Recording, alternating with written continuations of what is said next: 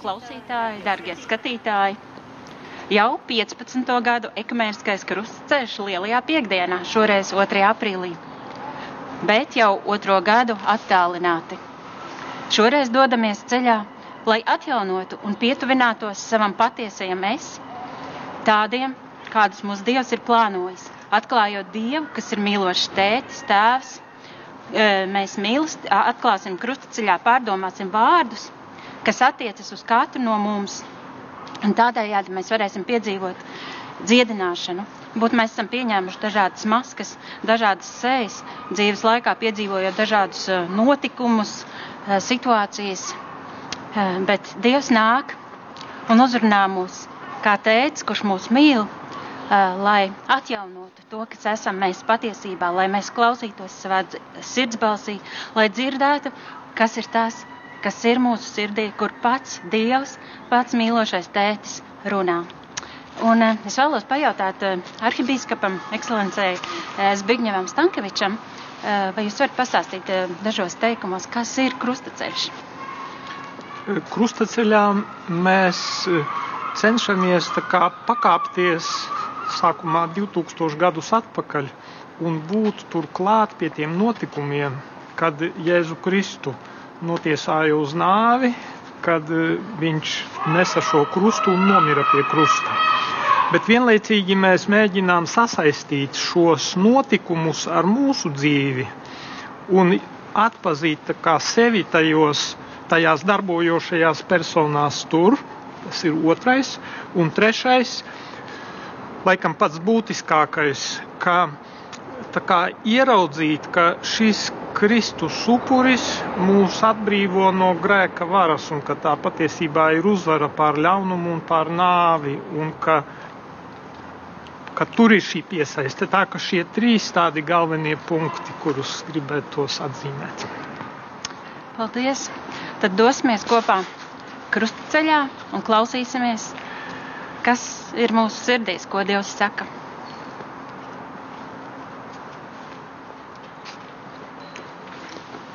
Tā saka Dieva vārds. Es tos atvedīšu atpakaļ šī zemē, lai viņi celtu no jauna savu dzīvi un ēkas, un tās vairāk neplēstu nost, un lai iedaistītu no jauna paši sevi, un vēlāk sevi vairs nerautu ārā. Es tiem piešķiršu gribu mani atzīt, ka es esmu tas kungs, un tie būs mana tauta, un es būšu viņu dievs, jo tie atgriezīsies pie manis no visas savas sirds. Jēzus viņam saka: Es esmu ceļš, patiesība un dzīvība. Neviens netiek pie tēva kā viens caur mani. Kas mani ir redzējis, tas ir redzējis tēvu. Mēs pielūdzam tevi, Kungs, Jēzu Kristu un tevi slavējam. Jo ar savu svēto krustu tu esi atpestījis pasauli. Pirmā apstāšanās. Jēzus mazgā mācekļiem kājas. Pēters saka, ne mūžam tu nemazgās man kājas. Jēzus saka, ko es daru, to tu tagad nezini, bet vēlāk tu to sapratīsi.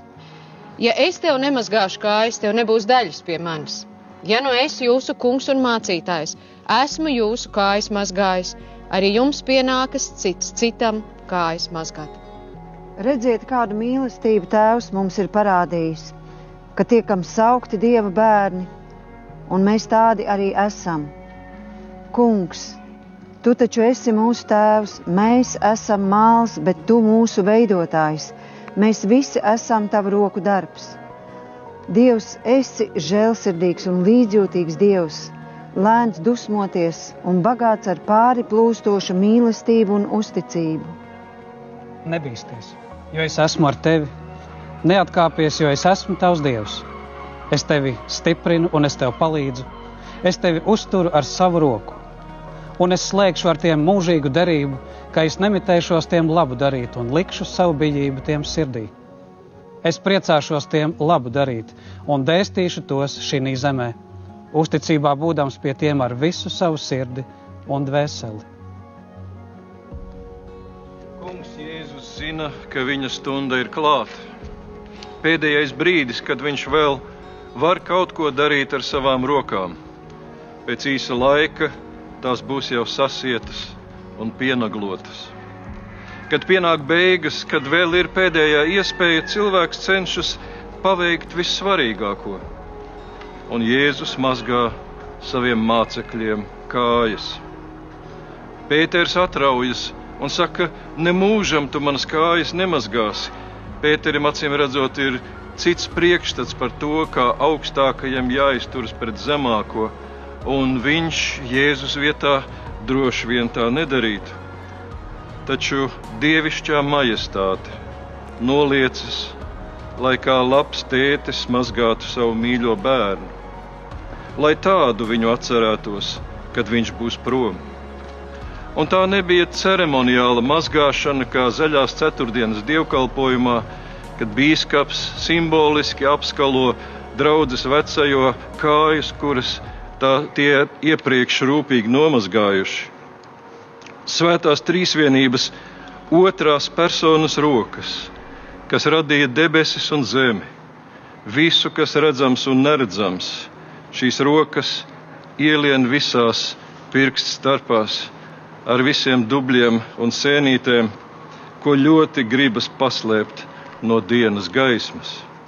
Un tādā brīdī es tik ļoti labi saprotu Pētera atraušanos, taču mūsu kungs neļauj sevi atturēt un dara vissvarīgāko. Viņa pieskārieni kājām atmodina sirdi. Kas tie tādi par ceļiem, pa kuriem es esmu staigājis tos dubļus un putekļus krādams? Kas tie tādi par neceļiem, no kuriem dieva svētie baušļi nav spējuši mani atturēt?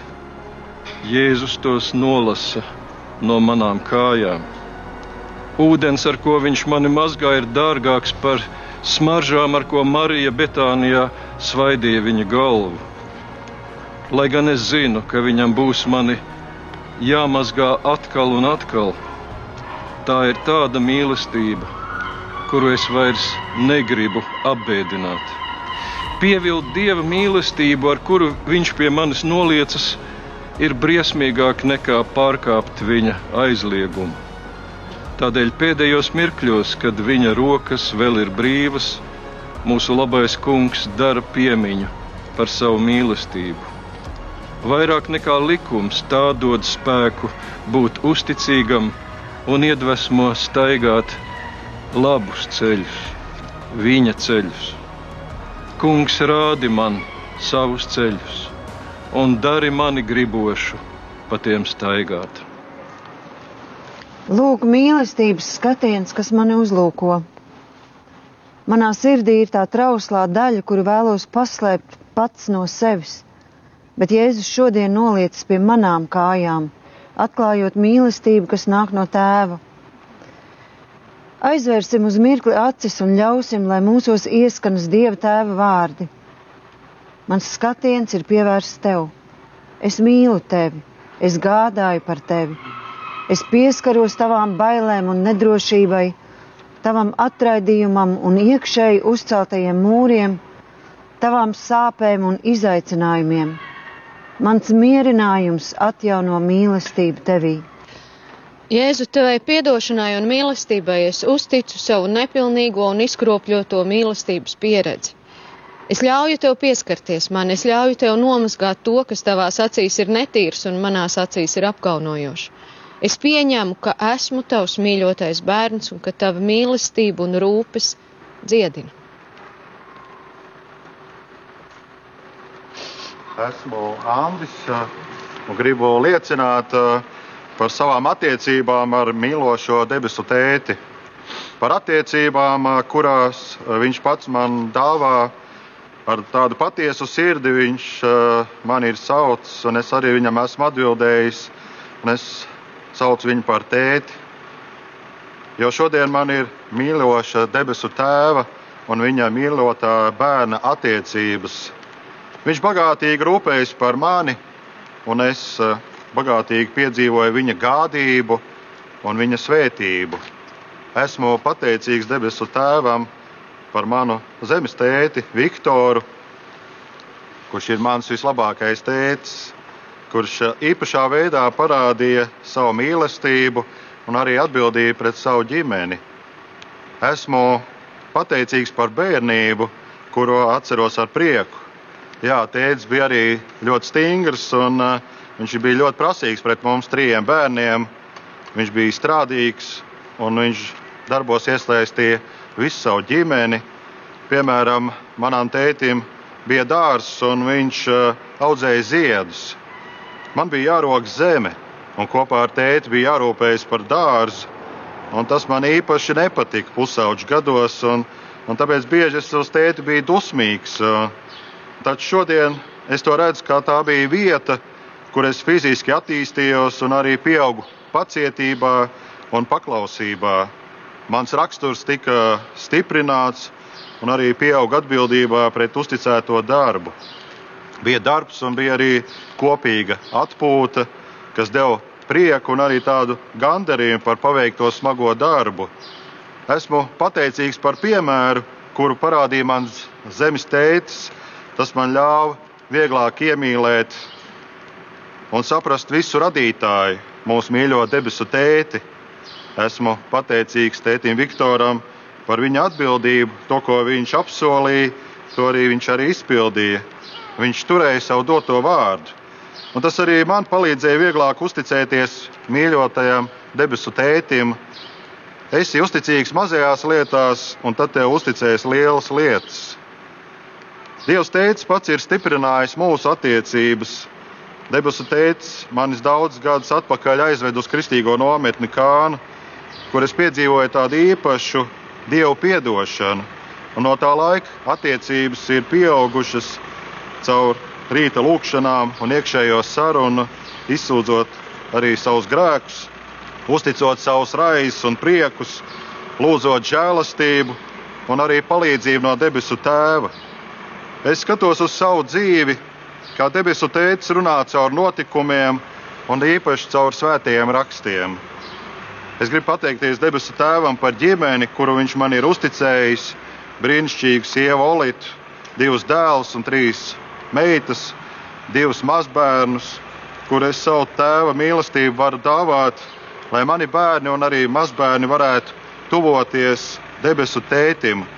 Es lūdzu Dievu, tēti, lai mums visiem Dievs nemitējis atklāt savu mīlošo, tevišķo sirdi.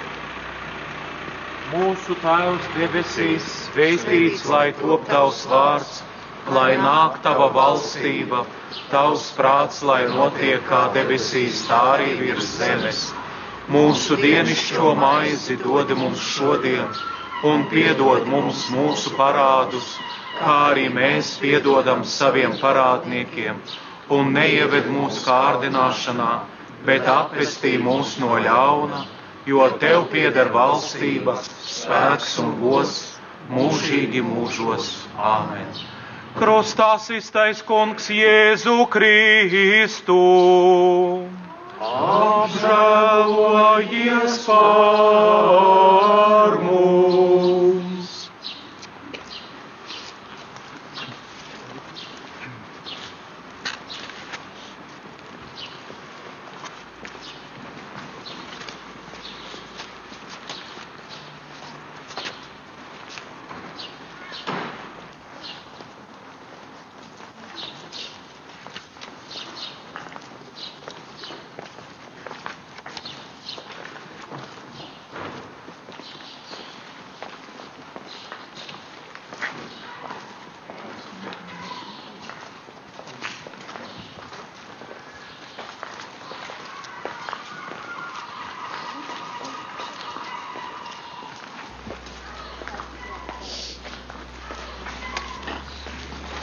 Es varu runāt?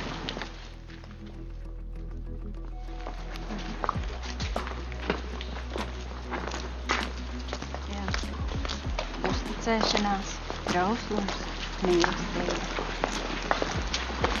Debesu tēvs tevi uzlūko kā mazu, tikko dzīvošu bērnu. Kā tu par to jūties?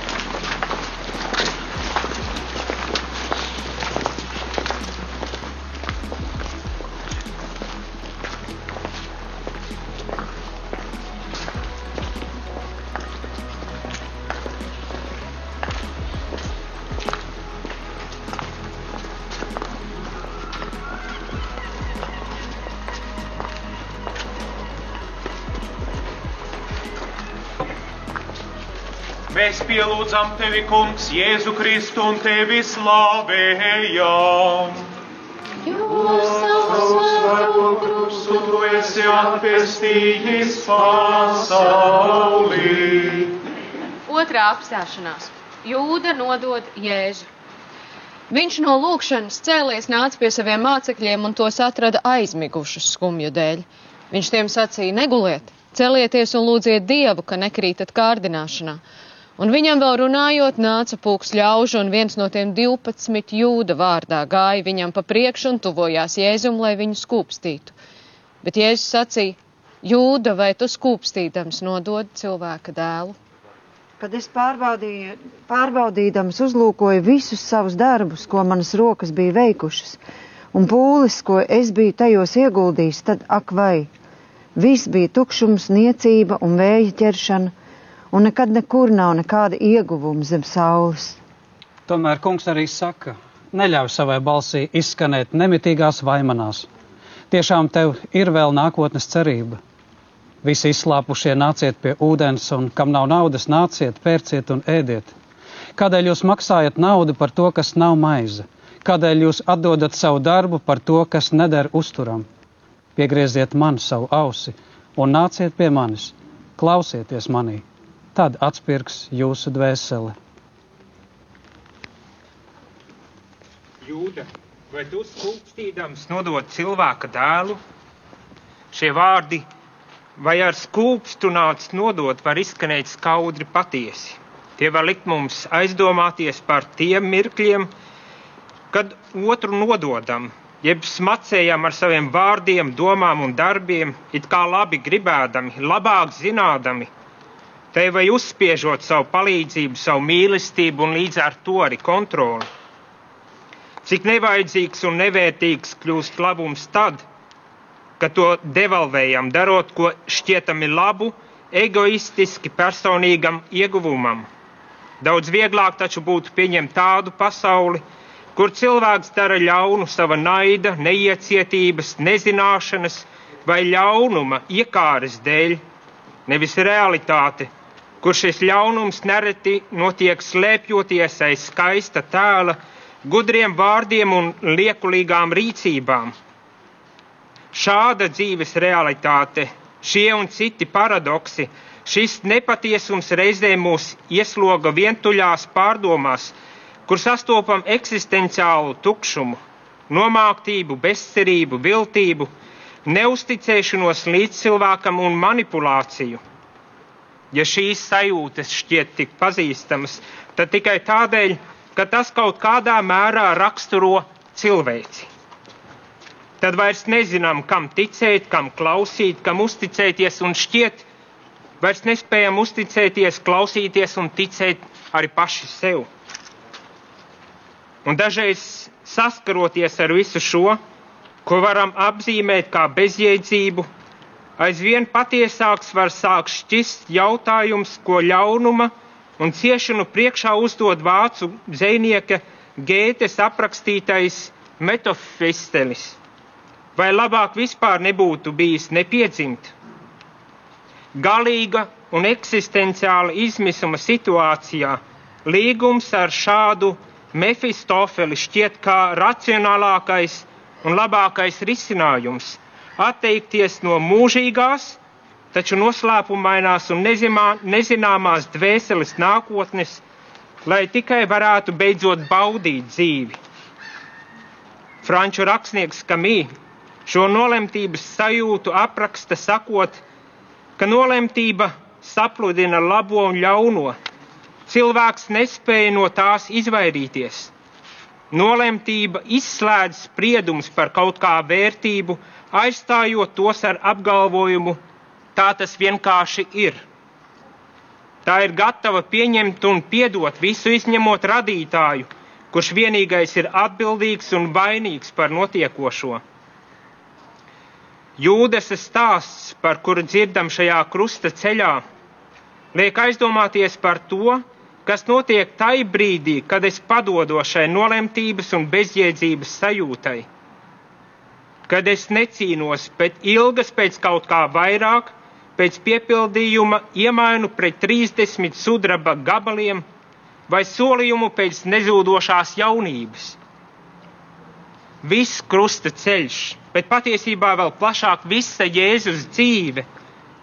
Bībeles stāsts cenšas atklāt, ka cilvēks radība ir ierobežots. Viņu skar slimības, nelaimes un traģēdijas, bet vienlaikus viņu ierobežo arī paša personīgās iekāres, skaudība, ļaunums, ievainojumi un grēku ierobežojumi. Un šis pats stāsts mums parāda, ka tā tam nav jābūt, tam nav jābūt noteicošajam. Caur Jēzus dzīvi, caur viņa krusta ceļu ieraugām, ka ir kas lielāks, transcendence, kas ir spēcīgāka par tik ļoti cilvēciskiem ierobežojumiem, vājumu, ļaunumu un trauslumu.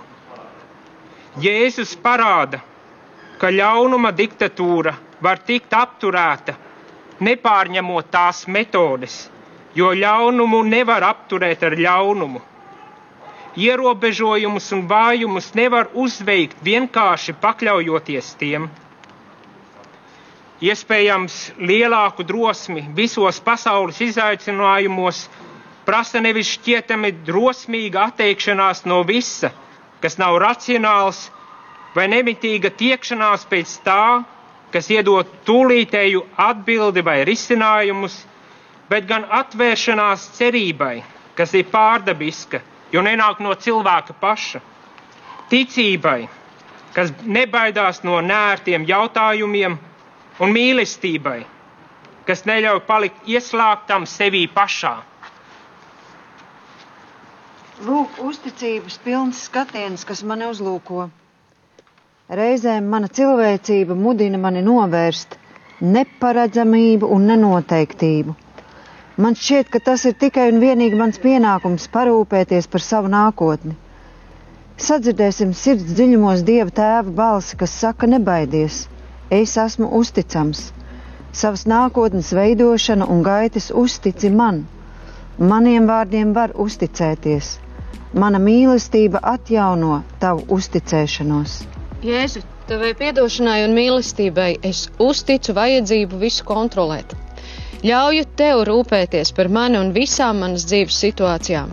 Es uzticos tam, ka tev ir labs nodoms manai nākotnē. Es saņemu spēju uzticēties. Mūsu Tēvs debesīs, svētīts lai top tavs vārds, lai nāk tava valstība, tavs prāts, lai notiek kā debesīs, tā arī virs zemes. Mūsu dienascho maizi dod mums šodien, un piedod mums mūsu parādus, kā arī mēs piedodam saviem parādniekiem, un neieved mūsu kārdināšanā, bet atpestī mūs no ļauna jo tev pieder valstība, spēks un gods mūžīgi mūžos. Āmen. Krustā iztais kungs Jēzu Kristu. Apžēlojies par mums!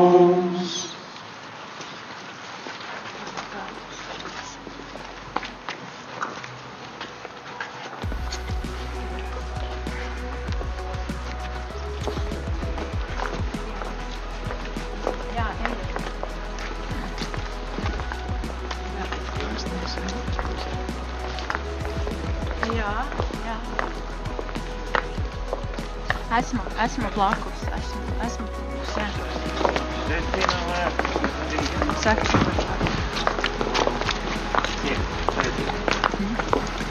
Jēga, uzticēšanās, dieva plāns. Kas ir situācijas, kas tevī izraisa bezcerības un tukšumu sajūtu? Vai vari šajā brīdī apzināties, ka Dievam ir īpašs plāns un nodomi tavā dzīvē?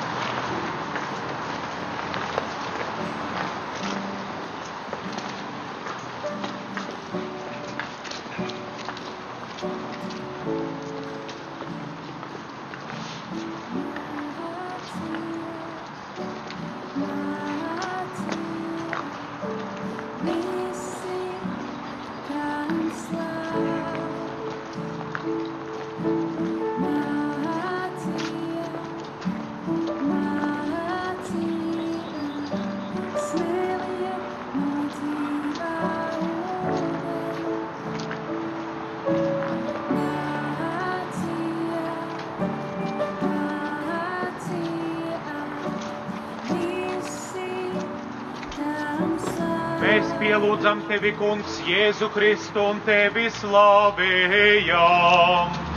Jo svēto krustu tu esi atpestījis pasaulī. Trešā apstāšanās. Pēters noliedz, ka pazīst Jēzu.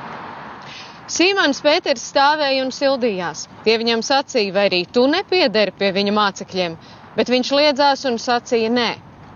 Pēc maza brīža vēl cits viņu redzēdams sacīja, arī tu esi no viņiem, bet Pēters sacīja, es neesmu.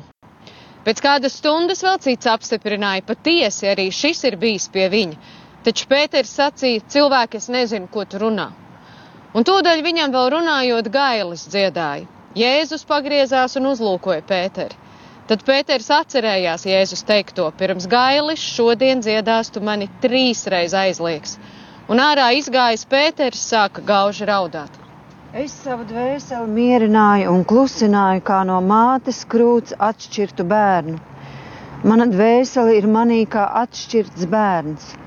Kad es tev piesaucu, tu mani paklausīji un devi manai dvēselei drosmi un spēku.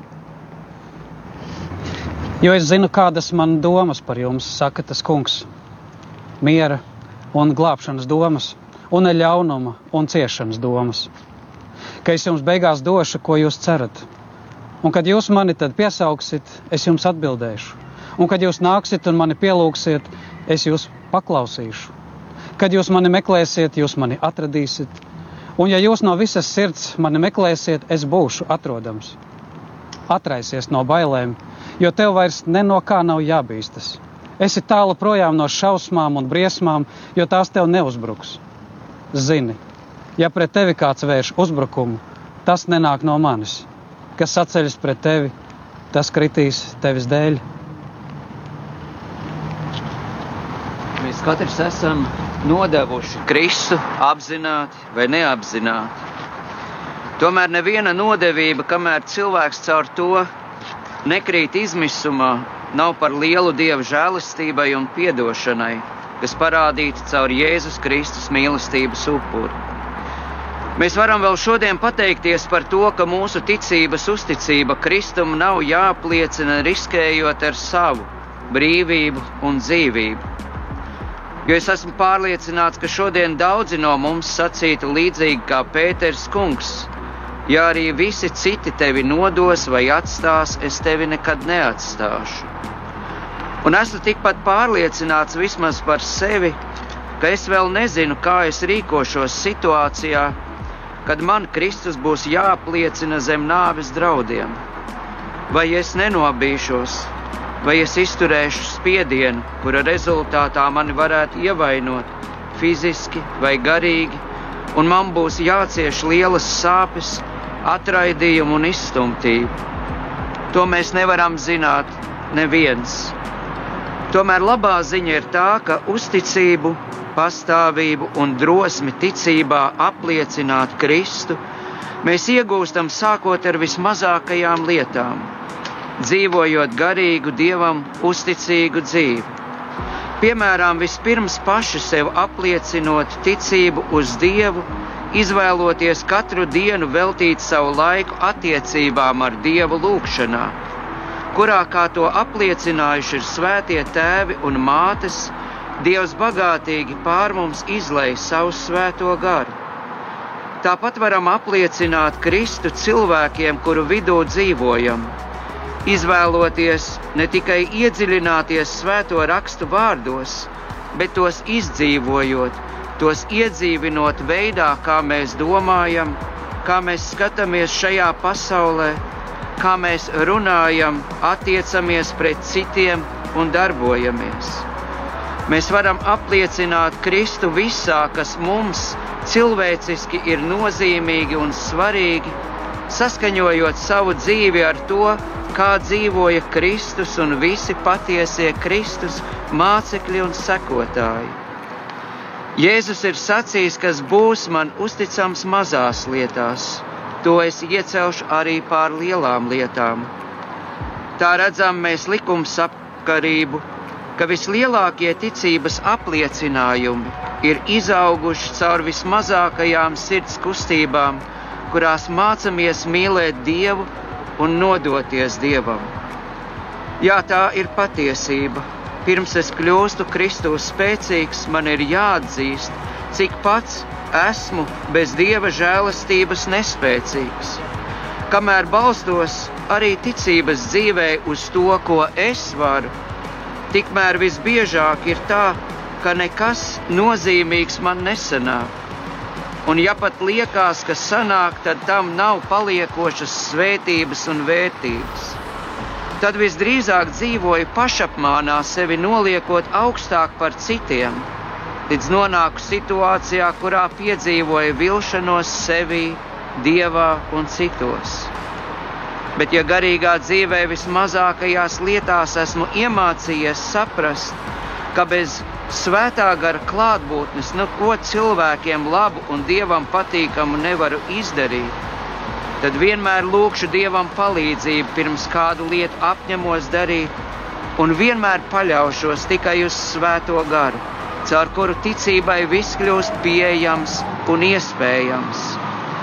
Un pats svarīgākais ir tas, ka, lai kā es būtu nodevis Kristu, ticības brāļus un māsas, Ja pat liekas, ka esam izdarījuši nepiedodamas lietas, tā nav patiesība. Izmisums ir lielākais grēks no visiem, jo tas apmāna cilvēku, neļaujot viņam ieraudzīt dieva apbrīnojamo mīlestības spēku un Kristus žēlastības varenību. Vienmēr atcerēsimies, ka Kristus krusta nopelns, viņa ciešanas, nāve un augšām celšanās ir dieva apliecinājums tam, ka viņa žēlastības pilnums un Kristus mīlestības augstums ir lielāks par vislielāko nodevību. Un kamēr vien esi gatavs to saņemt caur grēknožēlas asarām un sirds skumjām par savu necienību, tu vienmēr dzirdēsi viņa mīlestības pilno balsi, kura apliecinās: Es tev piedodu, mana dēla Kristus dēļ, nāc pie manis!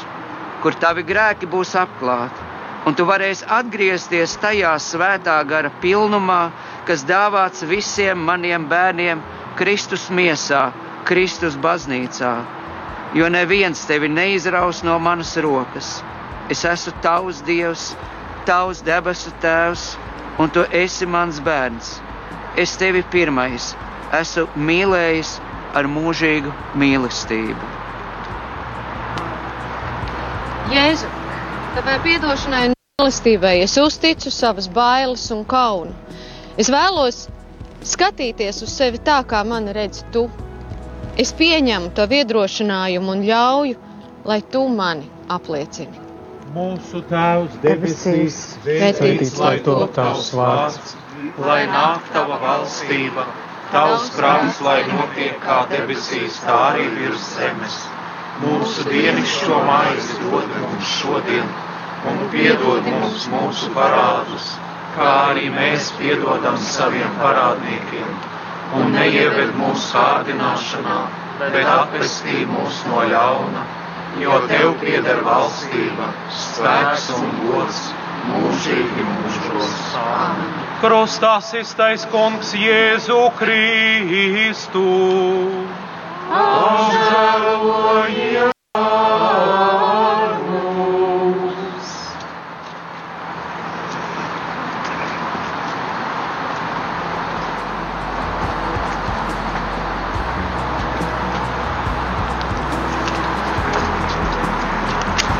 Jā, varu. Jā, runāju, runāju, runāju. Jā, ir labi. Varu. Kuros brīžos tu esi sajūties nespēcīgs, nepilnīgs un mazvērtīgs? Kā Dievs šajā brīdī tev dod īpaši tavas vērtības apziņu? Vērtība, drošība, apliecinājums.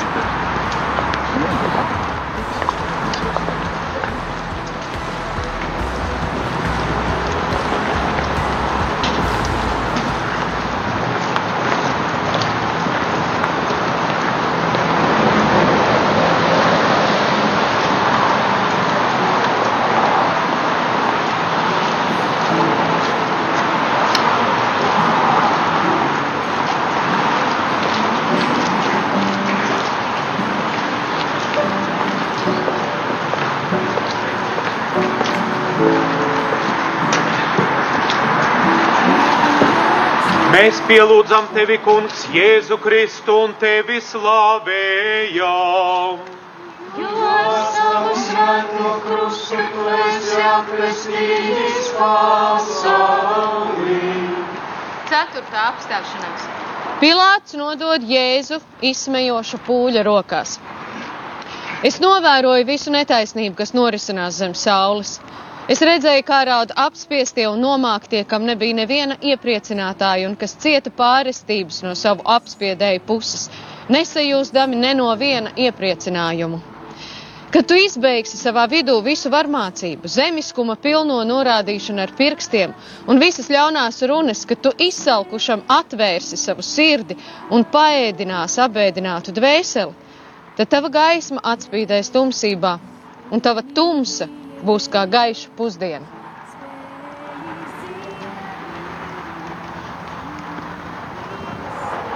Kāpēc tu jēkabs saki, un tu Izraēli domā, ka mans ceļš ir tam kungam apslēpts?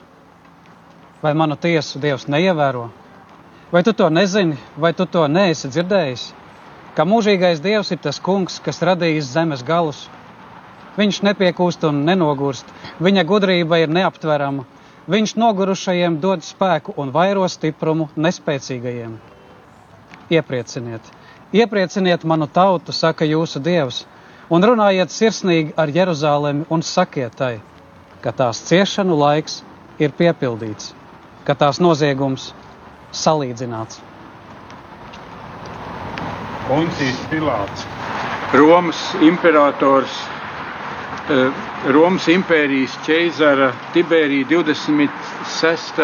gadā kā prokurators viņš ir iecelts par jūdejas provinci. Pie Jēzus nāves sprieduma pēdējais paraksts bija jāuzliek tieši viņam. Uzņemties atbildību par lietu, kuru labprāt negribētu, kurā labprāt negribētu iesaistīties. Viņa varā bija Jēzu atbrīvot vai nodot nāvē. Tiešām viņa varā. Viņš četrkārtīgi centās izvairīties, lai viņam tas nebūtu jādara. Pirmkārt, viņš to gribēja uzticēt Galilejas pārvaldniekam Herodam, bet Herods to noraidīja. Otrakārt, viņš centās to iebīdīt jūdu reliģiskajiem vadītājiem, kuri provocēja Jēzus nonāvēšanu, bet arī viņi atbildību neuzņēmās. Tad viņš pūlim piedāvāja Jēzu pārmācīt un atlaist. Pūlis to nepieņēma. Tad Pilārs piedāvāja Jēzu atlaist kā ierasts lieldienu laikā, paskā laikā, kā vienu no cietumniekiem. Pūlis izvēlējās ne Jēzu, bet slepkavu. Tad lēmums bija tomēr jāpieņem viņam pašam. Vai tik grūti ir pieņemt taisnīgu lēmumu, ja ir vara to darīt? It īpaši, ja zina, ka uz nāvi notiesā nepatiesu apsūdzētu cilvēku. Poncijas Pilārs jau daudz nevērtēja cilvēkus. Ar viņu parakstu daudz bija no šīs zemes izraidīti. Ārēji lielas varas vīrs, bet iekšēji kā cietumnieks. Pilārs dzīvoja nebrīvē, atkarīgs no pūļu un virsvadītāju lēmumiem. Pilārs bija saistīts savos spriedumos, darbību un darbībā, jo vienmēr bija jārēķinās ar to, kā tas ietekmēs viņa stāvokli. Visa viņa vide, kā Romā, tā šeit, visapkārt intrigas, cīņa par varu, nodevība un visi kopā saistīti. Un tad atnāk Jēzus un nostājas viņu priekšā. Jēzus, kurš stāv pāri visam, ko citi saka un domā, vai pat dara ar viņu. Kā kaut kas pilnīgi svaigs, pilnīgi tāds, kur viņš sajūt, tas ir tas, pēc kā sirds ilgojas. Jēzus ir brīvs savu dzīvi dzīvot Dieva uzdevumam. Pilārs cenšas vēl viņu izaicināt, vai tad tu nezini, es, ko es varu ar tevi darīt?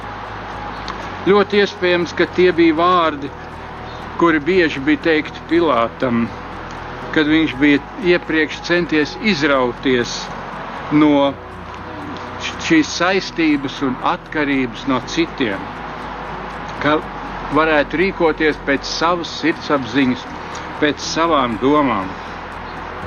Un šie vārdi tik daudzus ir apklusinājuši. Vai tad tu nezini, ka man ir vara pār tevi? Izņemot Jēzu, Jēzu atbrīvoja patiesību. Patiesība par to, kuram pieder lielākā vara, izšķirošā vara, noteicošais vārds. Arī tad, kad Pilārs nodod Jēzu pūlim krustā sišanai, kuram dzīves uzdevumam Dievs tevi ir sūtījis, kas kavē to taisnīgi īstenot. Ar Dievu ejot tavu uzdevumu, neviens nepārtrauks, tikai piepildīs. Jēzus nāve kļuva par grēku piedošanas iespēju ikvienam, kurš ieaicina Jēzu savā dzīvē, un krusts kā nāves vieta par glābšanas un pestīšanas vietu. Lūk, pieņemošs skatiens, kas mani uzlūko. Es mēdzu nepaklausīt savai sirdsbalsī, jo nobīstos no tā, ka mani lēmumi ietekmēs mani un manu reputāciju. Ļausim, lai sirdsbalss mūsos skan kā tēva balss, kas saka, tikai kad esi patiess, tu esi brīvs, un tieši tādu es tevi esmu radījis. Ļauj, lai tavs apliecinājums nāk no manis, nevis no vēlmes par katru cenu būt pašpietiekamam. Es atjaunoju tavu spēju sadzirdēt mani un pašam sevi. Jēzu tevai piedošanai un mīlestībai es uzticu savas dažādās maskas, tos veidus, kā cenšos pielāgoties un sevi padarīt neievainojamu. Es izvēlos tevi klausīties savā sirdī un saskatīt Kristu sevī un citos. Mūsu Tēvs debesīs, svētīts lai top tavs vārds, lai nāk tava valstība Tavs prāts, lai notiek kā debesīs, tā arī virs zemes. Mūsu dienascho maizi dod mums šodien, un piedod mums mūsu parādus, kā arī mēs piedodam saviem parādniekiem. Un neieved mūsu kārdināšanā, bet atpestī mūs no ļauna, jo Tev pieder valstība, spēks un gods mūžīgi mūžos. Amen krustā iztais kungs Jēzu Kristu. Apžēlojies par mums!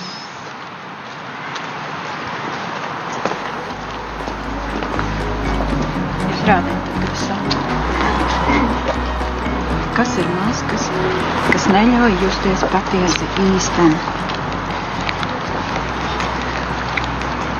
Sirds balss patiesība, patiesa identitāte.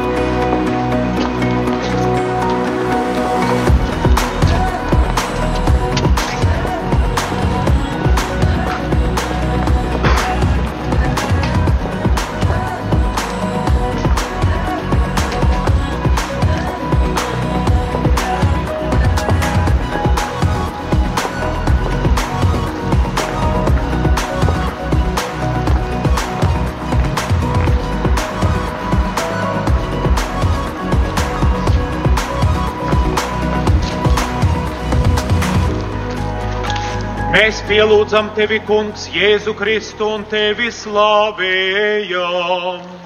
Jo ar savu svēto krustu tu esi apestījis pasaulī. Piektā apstāšanās. Jēzus tiek runāts ar ērkšķa vainagu. Tad pārvaldnieka kareivji ņēma Jēzu tiesas namā un sapulcināja pie viņa visu pulku. Un tie izģērbuši viņu, apvilka viņam purpura mēteli.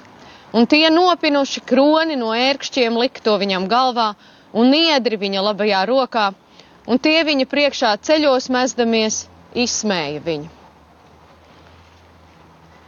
Jo kāds tad labums ir cilvēkam no visām viņa pūlēm, un no viņa gara centības, kam viņš veltīs zem saules tik daudz spēka. Visas viņa dienas taču ir ciešana pilnas, viņa darbs ir pretīguma, caurausti, sirdēsti, un arī naktī viņa gars neatrod miera. Kungs viņu atrada tuksneša zemē, briesmīgā kaukšanas tuksnesī. Viņš glabāja viņu un par viņu gādāja, un viņš to sargāja kā savu acuraugu. Es esmu tavs iepriecinātājs. Kādēļ tu bīsties no mirstīgiem cilvēkiem, no cilvēku bērniem, kas iznīkst kā zāle, un tomēr aizmirsti to kungu, savu radītāju, kas debesis izplētis un licis pamatus zemē? Nebīsties, nebaidies no viņiem.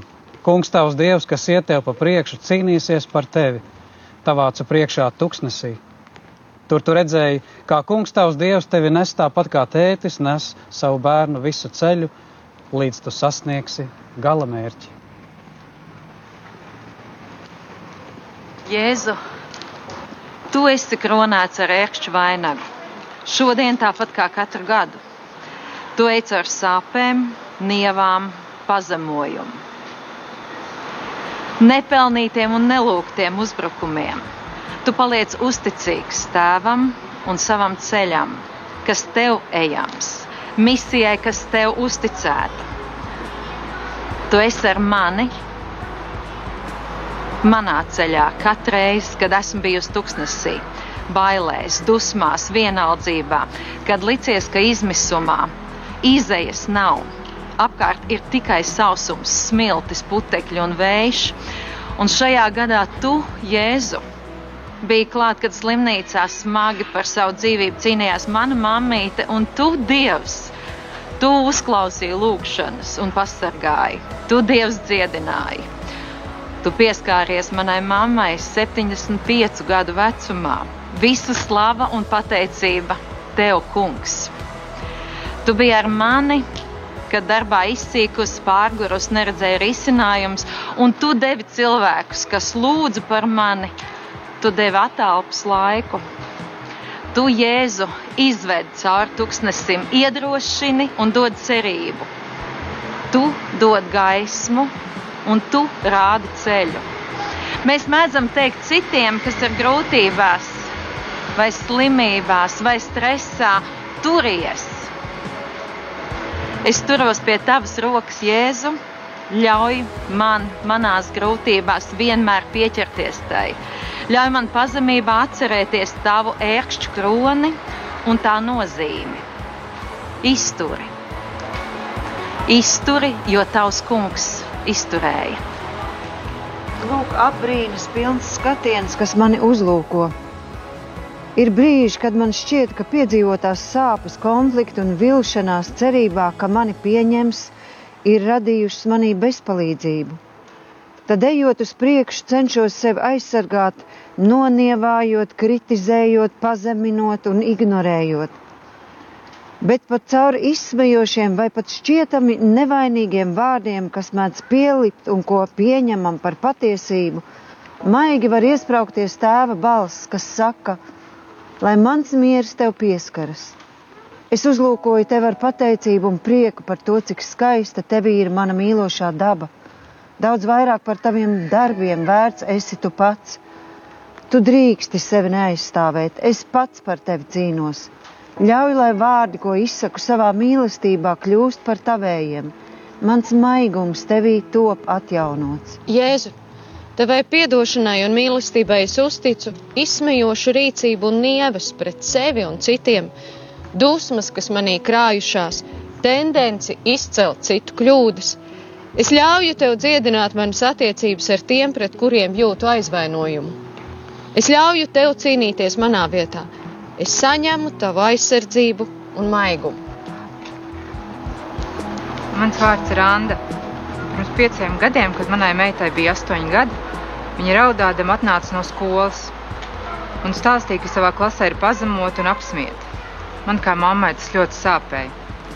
Mierināja viņu sakot, ka reizēm cilvēki mēdz izturēties nežēlīgi. Kad tā bija pateikusi, prātā sāk ataust ainas no maniem skolas gadiem, kad citus pazemoju tieši es. Atcerējos nicinošos vārdus un pazemojumus izskatu vai runas dēļ, ko bija raidījusi saviem skolas biedriem. Atcerējos savu cietsirdīgo, noraidošo un izsmejošo izturēšanos pret viņiem.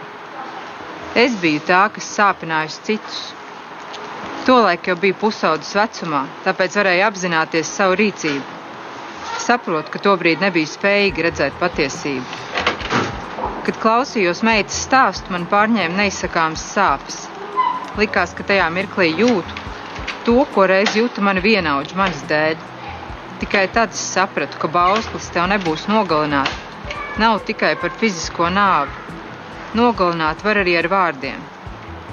Tagad no sirds lūdzu atdošanu visiem, kurus es tiku sāpinājusi.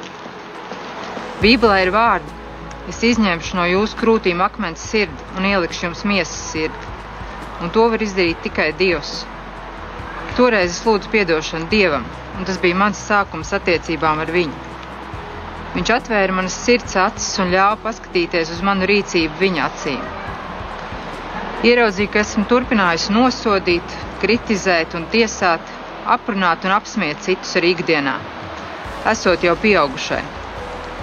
Šie sarkastiskie joki no manas puses, kas citiem šķita uzjautrinoši, daudzus patiesībā pazemoja. Tajā brīdī es lūdzu Dievu, lai viņš glābi mani no manis pašas, un teicu, ka vairs nevēlos būt tā, kas es esmu. Es vēlos mīlēt, nevis nīst, apliecināt, nevis apsmiet. Kādā kristīgā nometnē sastapu jauniešus. Īstus un patiesus. Es piedzīvoju sirsnību, draudzību, izpalīdzību un atbalstu. Tad arī ieraudzīju savas rētas un to, ka man pašai tas viss ir trūcis. Es sacīju, Dievs dāvā man brīvību, dziedini mani manas, un dziedini manas rētas. Vēlāk es sapratu, ka es neesmu slikta un ļauna, bet man izturēšanās un rīcība bija tā, kas bija nosodām. Tas bija kā aizsarga mehānisms manam ievainojumam. Pēc aizlūguma manas sirds beidzot bija brīva. Tikai no tā brīža es spēju atklāt Dieva mīlestību. Mīlēt savus tuvākos, savus draugus un arī cilvēkus kopumā. Tagad es saprotu, ka Dievs mūs nenosoda. Viņš vēlas atbrīvot mūs no mūsu ievainojumiem, kas bieži vien liek pieņemt nepareizas izvēles. Viņš vēlas mūs dziedināt, Un lai Dievs dziedina mūsu katru sirdi, lai mēs spējam piepildīt viņa skaisto plānu mūsu dzīvēm. Mūsu Tēvs debesīs, svētīts lai top tavs vārds, lai nāk tava valstība, tavs prāts, lai notiek kā debesīs, tā arī virs zemes. Mūsu dienascho maizi dod mums šodien, un piedod mums mūsu parādus kā arī mēs piedodam saviem parādniekiem, un neieved mūsu kārdināšanā, bet atpestī mūs no ļauna, jo tev pieder valstība, spēks un gods mūžīgi mūžos. Āmen! Krustā iztais kungs Jēzu Kristu. Apžēlojies par mums!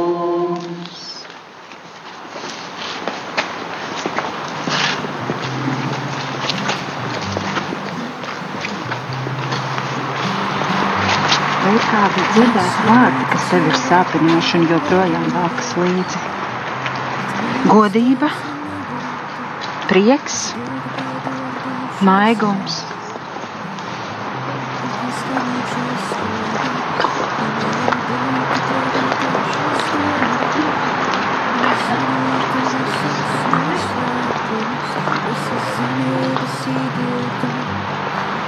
vienam būtu pilnīga ticība, kas pat kalns to celtu, bet mīlestības man nebūtu.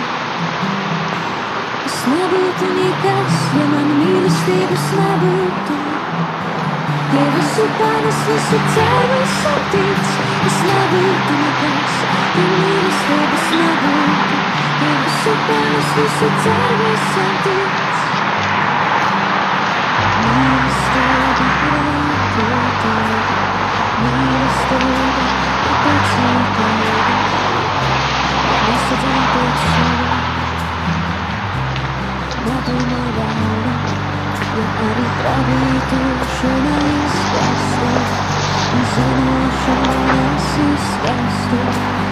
mīlestība ir pacietība. Nebūtu nekas, ja man mīlestības nebūtu. Ja visu panes, visu ceru, esam tic, es nebūtu nekas, ja mīlestības nebūtu.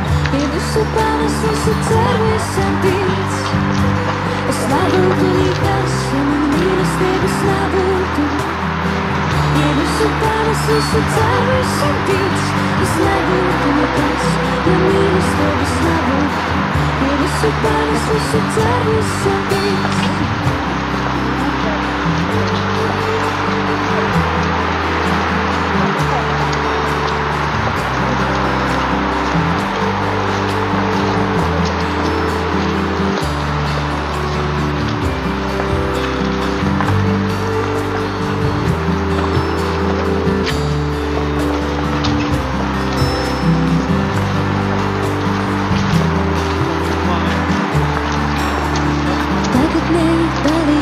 stress, ticība, cerība, mīlestība.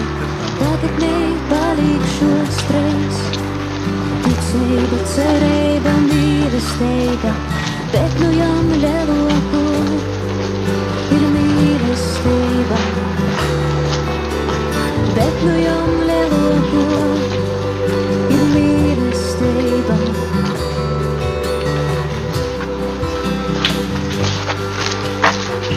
Mēs pielūdzam tevi, Kungs, Jēzu Kristu un tevi slavējam. Jo savu svēto krustu tu esi atpestījis pasaulī. Sestā apstāšanās. Jēzus pakrīt zem krusta. Visu Dievs ir savā laikā jauki iekārtojis, bet arī mūžību viņš ir licis cilvēku sirdīs. Žēl tikai, ka cilvēks nevar izprast Dieva darbu ne tā iesākuma, ne galu. Kas savu cerību liek uz nīcīgām lietām, uz pelniem, to maldina viņa pieviltā sirds un apmētais prāts, ka viņš nenāk pie garīgas skaidrības, lai jautātu, vai tie nav maldi, uz ko es paļaujos. Kungs nostiprina vīra roku, viņš iepriecina viņu viņa ceļos. Kad viņš klūp, viņš nenokrīt pavisam, jo kungs ir tas, kurš tur viņa roku. Es redzēju gan tās ceļus, un tomēr es to dziedināšu. To vadīšu un, tai, un tās cietējiem sniegšu kā atlīdzību, apmierinājumu. Un es kā lūpu augli radīšu mieru, mieru tāliem un tuviem, saka tas kungs, un es tos dziedināšu. Nedomājiet vairs par seniem notikumiem un neievērojiet to, kas sen jau bijis. Jo redziet, es veikšu ko jaunu, un tas jau parādās. Vai jūs to neredzat? Es likšu rasties ceļam tuksnesī un upēm vientuļās kailatnēs. Kad Jēzus savu krustu nesa, viņš pakrita. Vai tas bija tikai cilvēcīgs pagurums? Varam tikai iedomāties, ko viņam nozīmēja nest šo krustu pēc visa tiesas procesa, negulētām naktīm un smagas, gandrīz nogalinošas pēršanas. Un tas viss vēl pūļa vidū velkoties pa nelīdzenām Jeruzalemes ielām. Es domāju, Jēzus, Dieva dēls, savā krusta ceļā nesa prātam neaptveramu bezgalību. Visu grēku smagumu, visos laikos, un visā visumā un visos cilvēkos. To, kas bija, kas ir un kas pat vēl būs. Un visas elles dziļumus, ko tas ir pelnījis. Lūk, tā šeit vienā punktā savērpjas visa laika telpa, smagums un arī cerība uz Kristus pleciem. Kā visums, kas turpina plēsties, turklāt ar pātrinājumu, tā Ādama grēka sekas turpina vēl progresēt, bet Kristus atnāca, lai to atrisinātu. Kā kalnā kāpējs viņš svētais cenšas visus noturēt un vilkt pretī gaismai. Bet tur virves otrā galā karājas grēka smagsvari, es un tu, un vēl neskaitāmi citi. Un Dievs pakrīt zem šī krusta smaguma. Katra mūsu sašūpošanās nepadara viņa ceļu vieglāku. Katrs mirklis tikai velk uz leju, aizvien vairāk un vairāk. Tomēr dienas virs zemes ir žēlstības laiks, kurā Dieva dēls turpina nest savu krustu. Un Dievs pats atsakās šeit lietot visspēcību pret manu brīvību, pret manām izvēlēm. Viņš jau tur, viņš jau noturēs, bet viņš nevelk arī pārāk strauji, lai tik mēs nenorautos ellē. Jautājums ir, vai tu izvēlēsies palikt, vai tu noturēsies un ļausies viņam tevi pacelt. Lūk, šeit kur Jēzus paklūp zem krusta, mirst kāds priekšstats par vienmēr stipro un visspēcīgo Dievu. Nevis, ka viņš vairs tāds nebūtu, bet ka nevienmēr viņš šo savu varu lieto. Te ir arī mūsu un citu kritienos jāmirst kādam idealizētam tēlam, patiesībā elkam par sevi, citiem un par Dievu, kurš šķiet nekad neklūp un kurš šķiet vienmēr darīs tikai kā es esmu iedomājies. Ak, cik daudz dzīvēm! ir norāvušies no dieva, nesagaidot savu cerēto. Tā šeit mirst arī mūsu nepiepildītās ilgas par sevi, par dievu un tuvāko. Bet Dievs nepārstāja eksistēt, pat ja viņš klusē un pasauli dara ļaunu. Bet es esmu aicināts pieņemt, ka Dievs zinās labāk, pieņemt arī un cienīt savas citu un pat Dieva izvēles. Šeit pie Jēzus dzimst cilvēcīgais un godīgais manī, kurš atzīst, es esmu grēcinieks. Dieva dēls, svētais un labais, nebaidījās pakrist, lai pats atkal celtos un mani paceltu. Dieva dēls nebija par lepnu atzīt, ka arī viņam burtiski slīd kāja un ka arī viņam kaut kad vajag atbalstu. Manu grēku dēļ Jēzus devās šajā ceļā, un viņš šeit pakrīt, bet pakrīt man blakus, lai mēs kopā celtos lai tu un lai es varētu atgriezties, atjaunoties un noiet katrs savu dzīves ceļu līdz galam. Tur ar vaigu dzīves putekļos Dieva dēls mani tomēr nav pametis. Tur mūsu skatieni satiekas. Viņš saka, es esmu šeit ar tevi līdz laiku beigām. Tik ļoti viņš tevi un mani mīlējis. Lūk, paceļošs skatiens, kas mani uzlūko. Es ik pa laikam pakrītu. Bet it kā ar to nepietiktu, es vēl mēdzu ilgi slīgt apātijā un vienaldzībā. Reizē man ir kauns par savu vājumu un kauns par nepildībām otrā cilvēkā un viņa rīcībā. Tomēr pat tur, kur es vēlos paslēpties, ieskanas tēva balss, kas man saka, es esmu pilnīgs tēvs, es esmu pilnīgas mīlestības tētis. Piedod sev, ka nespēji, ka negribi, ka nemīli, un nebīsties no trūkumiem un plaisām sevī un citos. Es tevi pieceļu un ilgojos, lai tu nešaubīdamies satvertu manu roku. Es sastopu tevi tavā vājumā. Jēzu, tavai piedošanai un mīlestībai, es uzticu nepatīkamās sajūtas par trūkumiem sevī un kaunu par nepilnībām citos. Es pieņemu grūtības, ar ko sastopos, un ļauju tev tajās mani pavadīt. Es pieņemu tavu iedrošinošo atbalstu. Es pieņemu tavu spēju piecelties kopā ar otru viņa nepabeigtībā. Mani sauc Diana. Šobrīd mīlu Jēzu un sekoju viņam, bet tā tas nebija vienmēr. Nāku no ģimenes, kurā tētis bija alkoholiķis, bet mamma daudz strādāja, eh, lai parūpētos par mani un abiem brāļiem. Ģimenē mēs nepraktizējām ticību, mums nebija pieņemts dalīties par savām sajūtām, lūgt atdošanu viens otram vai izteikt to, ka mīlam viens otru. Bērnībā, kopš sevi atceros, piedzīvoju daudz agresijas, ko izraisīja alkoholisms.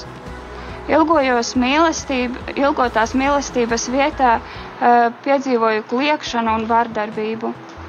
Neapzinoties, sāku meklēt mierinājumus citur. Apmēram 9 gadu vecumā atradu pornogrāfijas žurnālu. Radās dīvaina pārliecība, ka šie cilvēki ir laimīgi. Katru dienu atkal un atkal uzlūkoju šos žurnālus. Tā aizsākās mana atkarība no pornogrāfijas. Kādu dienu, kad nevarēju vairs atrast šo žurnālu, manī radās liels nemieris, jo vēlme uzlūkot šos attēlus eh, jau bija kļuvusi par tādu vajadzību. Ilgas pēc šīs tuvības, ko uzlūkoju attēlos, pārgāja vēlmē pamēģināt pašai. Pēc pirmās reizes, kad masturbēju, likās, ka jūtos laimīga. Ar laiku masturbācija kļuva par iespēju aizbēgt no ikdienas. Ikreiz, kad jūtos apdraudēta, bezspēcīga, vāja, nesaprasta, viena, nepieņemta vai nemīlēta, es sevi mierināju masturbācijā. Tomēr līdz ar masturbāciju manī radās bailes, kauns, riebums pret sevi. Manī arvien biežāk parādījās vēlme nomirt. Mani piepildīja neizsakāmi liels tukšums un vientulības sajūta. Nespēju sevi uzlūkot, nespēju sevi pieņemt, nepatiku sev, neredzēju sevi absolūti nekādu vērtību. 19 gadu vecumā mans tētis atgriezās pie dieva un uzaicināja mani un mammu uz alfas kursu. Tur es pirmo reizi savā dzīvē izjūtu tik lielu mīlestību, tik lielu mieru un pirmo reizi jutos patiesi pieņemta. Dievs man Dievs mani piepildīja ar savu mīlestību un atbrīvoja no tieksmes pēc pornogrāfijas un masturbācijas. Pat nepamanīju, kad tas notika, tikai pamanīju, ka pēc kāda laika šī vēlme ir zudusi. Tomēr vēl palika cīņā ar nešķīstām domām. Likās, ka Dievs piemin manu pagātni un tādā veidā mani pārmet. Taču kādā pasākumā Dievs man dāvāja žēlastību piedzīvot viņa patiesību, ka tieši Viņš mani ir izvedis no tā visa ka viņš mani ļoti mīl. Sapratu, ka es esmu tā, kura sev nav piedevusi, ka es esmu tā, kura sev pārmet un sevi nosoda. Kādā vakarā nolēmu uzrakstīt sev piedošanas vēstuli. Tā bija visdziļākā un skaistākā izlīkšana, kādu es jebkad esmu piedzīvojusi. Uzrakstīju, ka mīlu sevi, ka piedodu sev, ka pieņemu sevi, ka vēlos uzlūkot sevi tā, kā Dievs mani uzlūko. Dievs ar vien vairāk un vairāk ieved piedošanā attiecībās pašai ar sevi, attiecībās ar vecākiem, kurus tik ļoti mīlu, un arī attiecībās ar Dievu. Šobrīd, pat ja rodas kādi kārdinājumi vai nešķīstas domas, zinu, ka tās nav no Dieva, bet gan no Sātana. Tādēļ vēršos pie Jēzus un vēršos pie Marijas. Un lūdzu viņu aizsardzību, lūdzu Jēzus svēto asiņu aizsardzību un nepārstāju lūgt, kamēr šīs domas nav pārgājušas. Bieži ir grūti, bet zinu, ka šajā cīņā neesmu viena. Zinu, ka Jēzus cīnās par mani, un zinu, ka Viņš ir uzvarējis. Zinu, ka mana glābšana un pilnīgā brīvība ir tieši Jēzu, kurš nomira un augšām cēlās, lai es varētu dzīvot. Mūsu Tēvs debesīs, svētīts lai top tavs vārds, lai nāk tava valstība Tavs prāts, lai notiek kā debesīs, tā arī virs zemes. Mūsu dienišķo maizi dod mums šodien, un piedod mums mūsu parādus, kā arī mēs piedodam saviem parādniekiem, un neieved mūsu kārdināšanā, bet atvestī mūs no ļauna, jo Tev pieder valstība, spēks un gods mūžīgi mūžos. Āmen! Krustā iztais kungs Jēzu Kristu. Amen.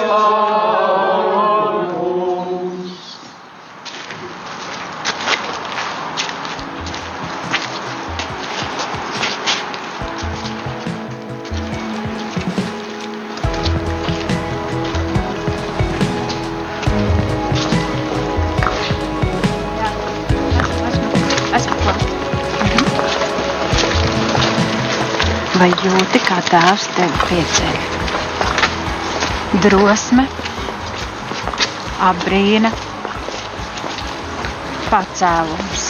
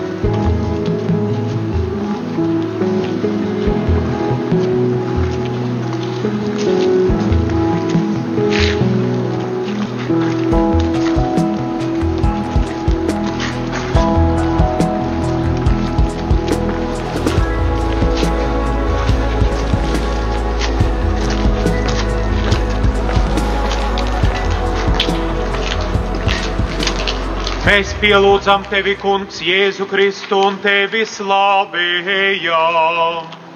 Jo ar savu svēto krustu tu esi atpestījis pasauli. Septītā apstāšanās. Jēzus satiek raudošas sievietes, bet liels ļaužu un sievu pulks viņam sekoja. Tās viņu nožēloja un apraudāja.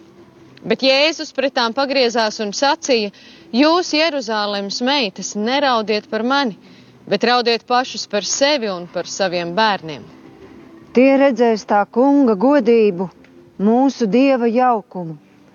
Stipriniet nogurušās rokas, dariet stingrus, ļodzīgos ceļus, sakiet izmisušām sirdīm, nebīsties, redzi, te ir jūsu dievs, viņš dos savu spēku Viņš pats nāks un jūs izglābs.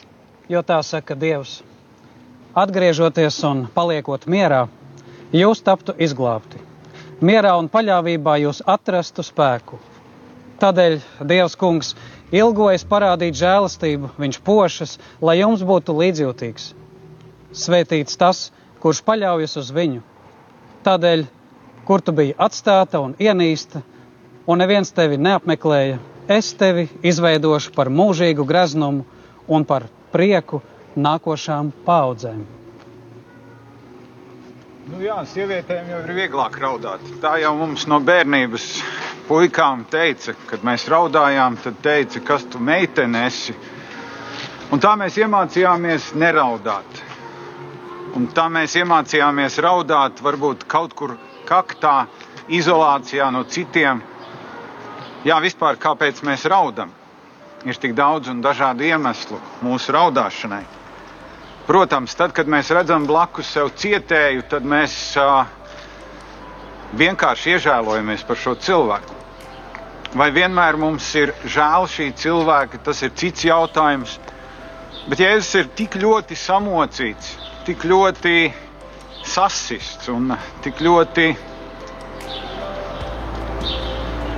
teiksim tā, tur droši vien Gibsona filma nemaz nestāv klāt, ko tajā dienā redzēja šīs sievietes.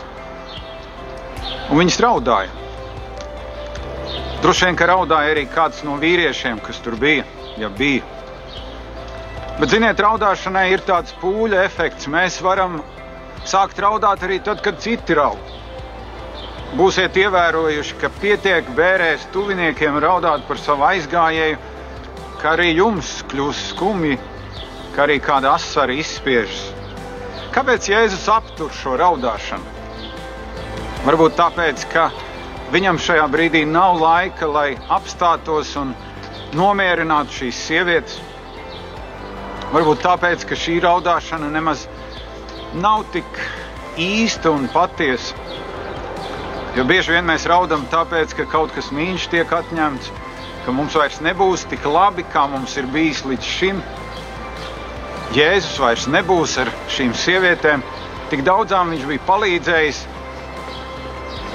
Vai tiešām vienmēr mūsu raudāšanai ir īstais motīvs? Kad Jēzus iežēlojās par cilvēkiem un un var pat nojaust, ka tajā brīdī, kad viņš to darīja, viņam acīs bija asaras, tad viņš vienmēr kaut ko darīja. Viņš uh, pabaroja cilvēkus, viņš lūdza par cilvēkiem, viņš dziedināja cilvēkus, redzot cilvēku vajadzības. Nebija tā, ka viņš mazliet paraudāja, nopūtās un gāja tālāk, jo galu galā ir jāsludina. Ir jāsludina labā vēsts. Kad es domāju par sevi, man ir cilvēcīgi žēl jebkurš cietējs. Bet tajā pašā laikā ir brīži, kad man ir dusmas, ka šis cietējs pats savu dzīvi ir izniekojis, ka viņš cieši tāpēc, ka viņš nav izdarījis pareizās izvēles. Kā lai iemācās līdzjust? Kā lai iemācās tā īsti raudāt? Vai nav tā, ka blakus cietējam mums ir liels kārdinājums sacīt, es jau zinu, kā tu jūties. Es jau zinu, kā tu jūties. Bet tajā brīdī es gribu pats sev jautāt, vai es tiešām šo cietēju tik ļoti pazīstu, ka es varu uzdrīkstēties kaut ko tādu viņam sacīt. Varbūt man ir jāklusē. Varbūt man ir jāklusē, un mana klusēšana ir labākais stiprinājums šim cilvēkam. Es vēl tikai mācos, kā patiesi just līdzi otram cilvēkam. Un laiku pa laikam izgāžos, domādams, ka es kontrolēju situāciju un saprotu. Un tad vēl mazliet par kādu citu raudāšanu par to raudāšanu, kur Jēzus norāda, kad pēdējo reizi tu raudāji par saviem grēkiem. Kad tas bija? Ja bija. Vai tās bija šīs grēku nožēlas asaras, ka tu varēji sev vienkārši caur asarām izliet Dievu priekšā un teikt, Kungs, esi man nabaga grēciniekam žēlīgs. Varbūt ir vērts lūgt šo dīvaino lūgšanu, it īpaši mums, vīriešiem. Kungs atraisi manī asaras, atraisi manī asaras, kad es lūdzu par saviem grēkiem, kad es lūdzu atdošanu par saviem grēkiem. Un tad mūsu asaras kļūst īstas, tās kļūst patiesas Bet tik un tā mēs šad un tad raudāsim neīsti. Bet Dievs pazīst mūsu sirdi un pazīst mūsu asaras.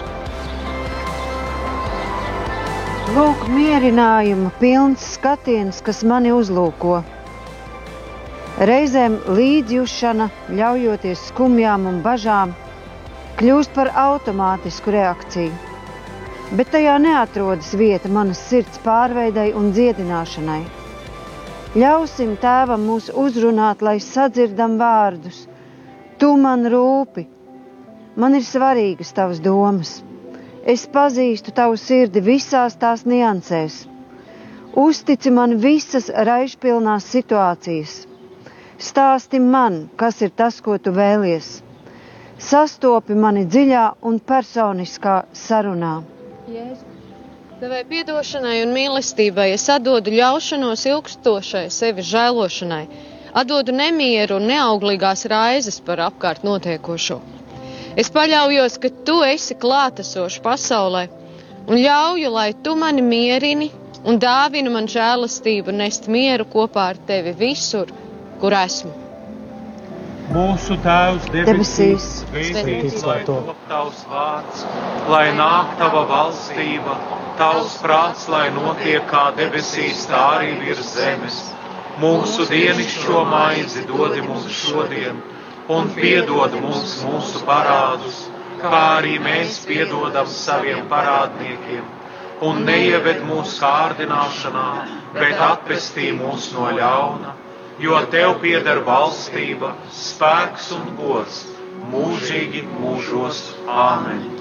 Krustā iztais kungs Jēzu Kristu! Apžēlojies par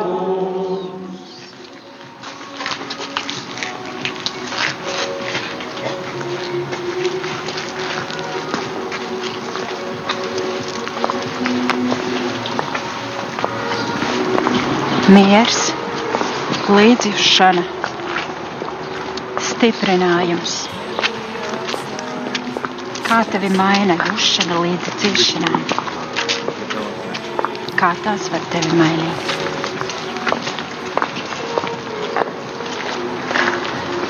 Taviem spārniem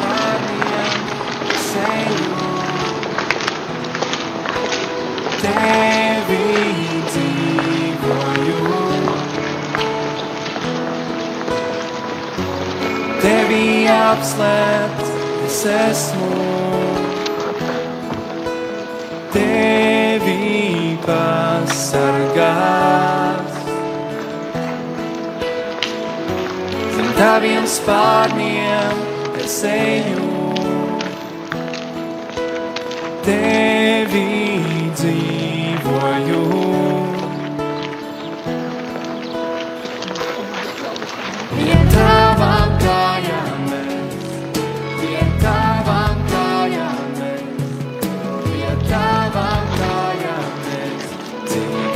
Mēs pielūdzam tevi, Kungs, Jēzu Kristu un tevi slavējam.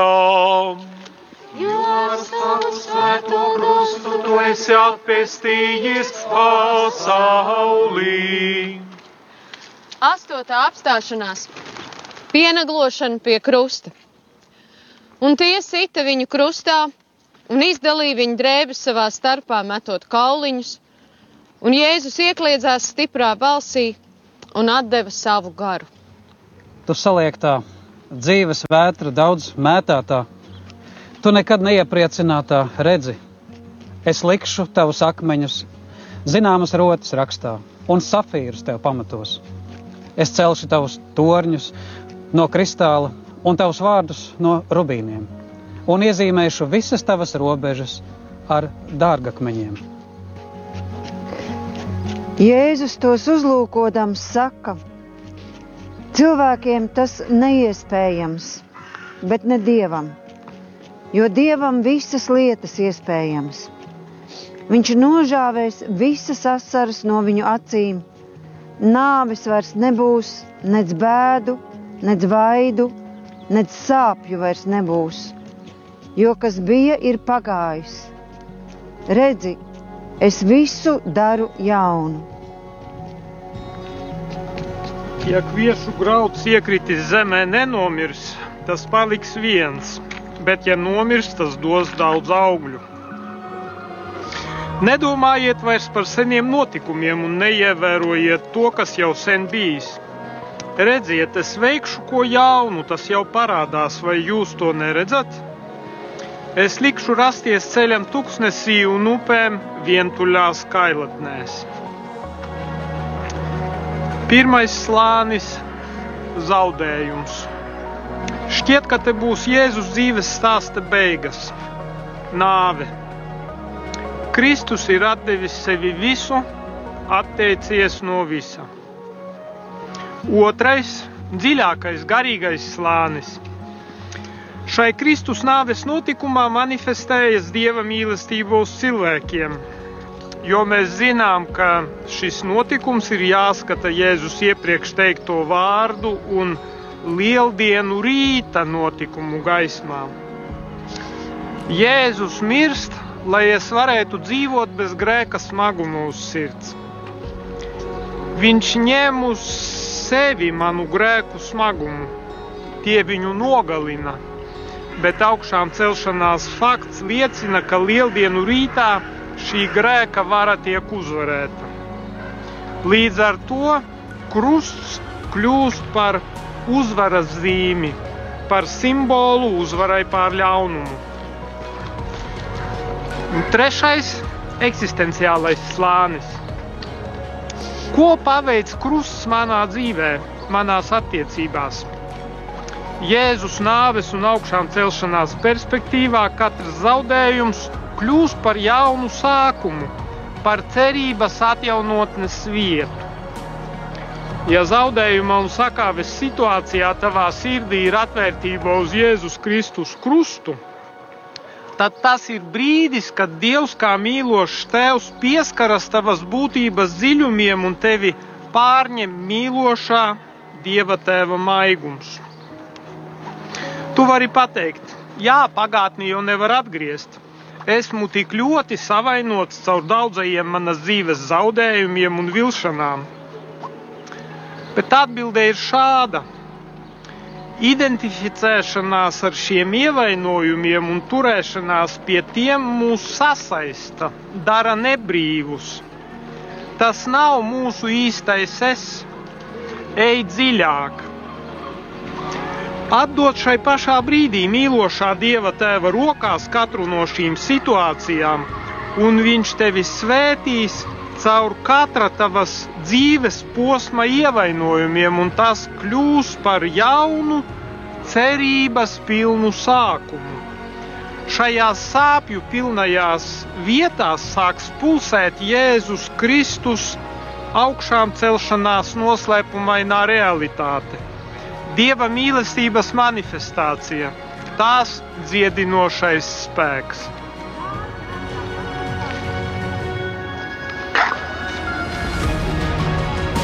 Man ir ļoti mīļš zemes tētis.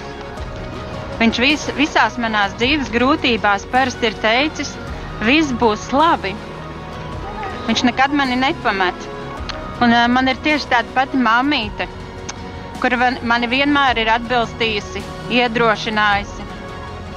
Es savā ģimenē nebiju dzirdējusi, ka es kļūdos. Man nepārmeta, ka es daru kaut ko nepareizi. Es vienmēr dzirdēju, viss būs labi. Pagājušajā gadā es piedzīvoju abu man ļoti tuvu cilvēku zaudējumu atšķirīgos veidos. Māmīte pēkšņi esot dārzā aizgājusi debesīm, Tētis pēc trim mēnešiem pazuda bez vēsts un joprojām nav atrasts. Šķita, ka es esmu pazaudējis zemi zem kājām un ka viss, kas ir bijis, zaudē nozīmi. Bet dieva klātbūtne, kur es piedzīvoju, mīlošā dieva tēta klātbūtne, kur es piedzīvoju, gan savā sirdī, gan pat fiziski ka viņš mani ļoti mīl. Viņš atjauno manu pamatu šobrīd. Viņš atjauno mani, notur mani un dod man cerību, ka viss būs labi. Un ka viņš manu nākotni dara labāku nekā tā ir bijis iepriekš.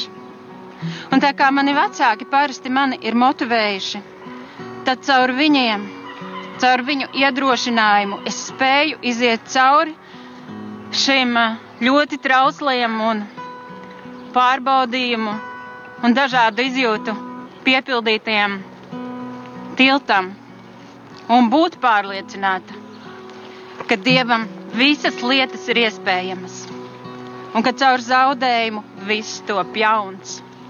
Un visu manu sirdi, un viņš, Dievs tētis, Viņš stiprina manu sirdi, un es varu būt stipra viņa mīlestībā, kā bērns, kā mīļotā meita. Nepārvelti izlēji tās asinis savas svētās sirds ticībā un mutēs liecībā.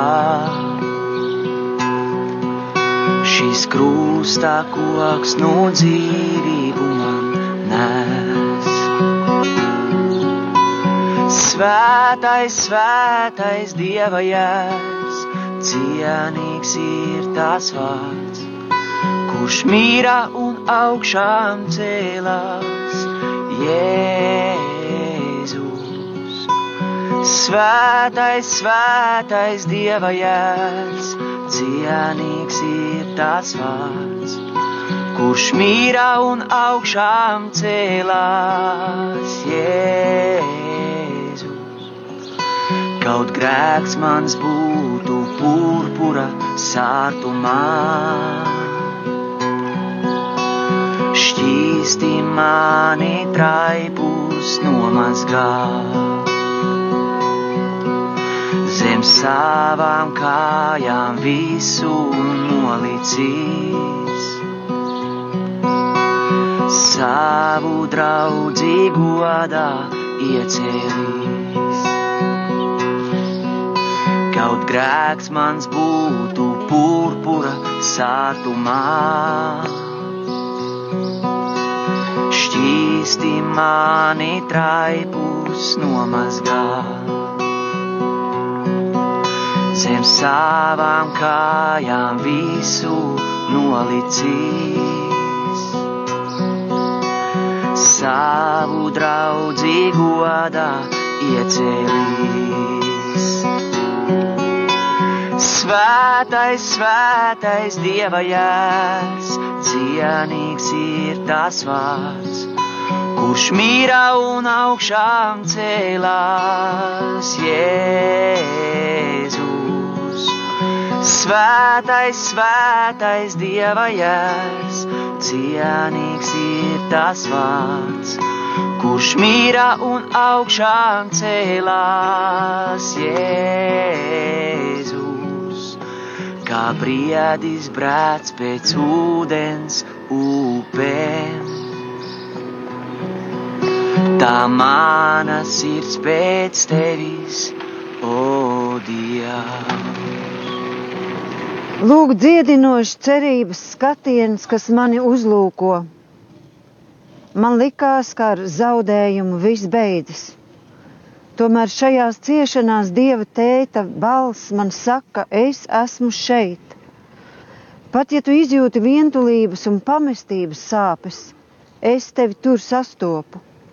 Es esmu tev klāt.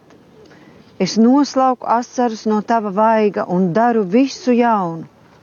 Es apskauju tavu sirdi un pieņemu tavu prāta samulsumu un spēju saprast.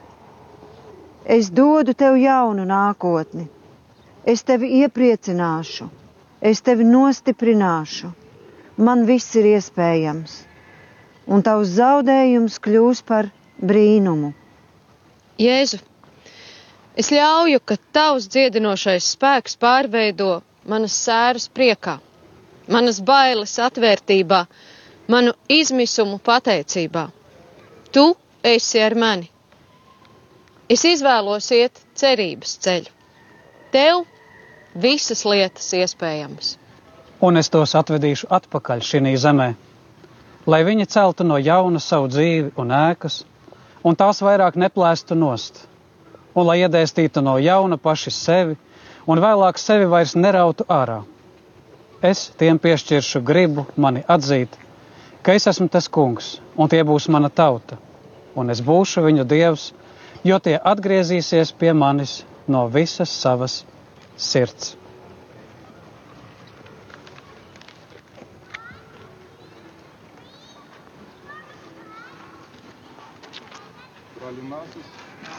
Mums nebūtu augšām celšanās, ja nebūtu lielās piekdienas. Mums nebūtu krusta dāvanas, kas dod mums mūžīgo dzīvi. Baznīca stāvi redz krustā dzīvības koku, kas ievet mūsu zaudētajā paradīzē. Patiešām apskausim krustu fiziski un garīgi, lai mūsu draudzēs, kur mēs atgriezīsimies, mēs smeļam no dzīvības avota, lai Dieva vārds, lai viņa sakramentu žēlastība mūs atjauno un pavada. Mēs esam dedzīgi nes šo vēsti tālāk, kā svētās sievietes, kā Marija Magdalēna, kas bija pirmie vēstneši par to, ka Kristus ir dzīvs, viņš ir augšām cēlies un visu dara jaunu. Āmen!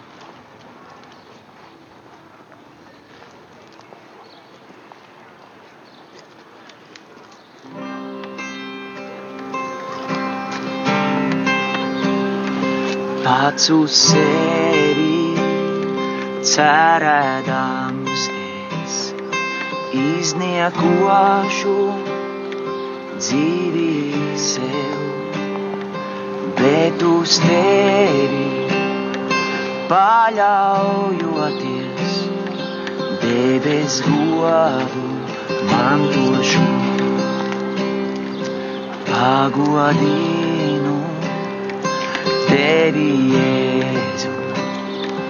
Augšām cēlies, esi tu. Tad nu lūdzu, dod man dzīvu ar tava gara vadību. Gods augstībā, debesu ķēniņā, esmu tavs, esmu tavs, es Jēzu. Gods augstībā, debesu ķēniņā, esmu tavs, esmu tavs, es Jēzu.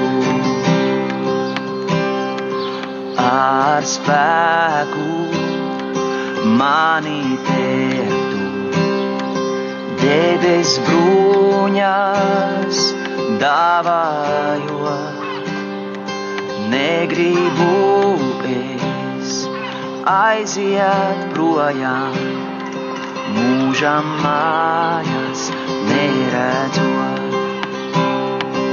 Ar spēku mani tērtu, debes bruņas dāvājot, negribu es aiziet projām, mūžam mājas neredzot.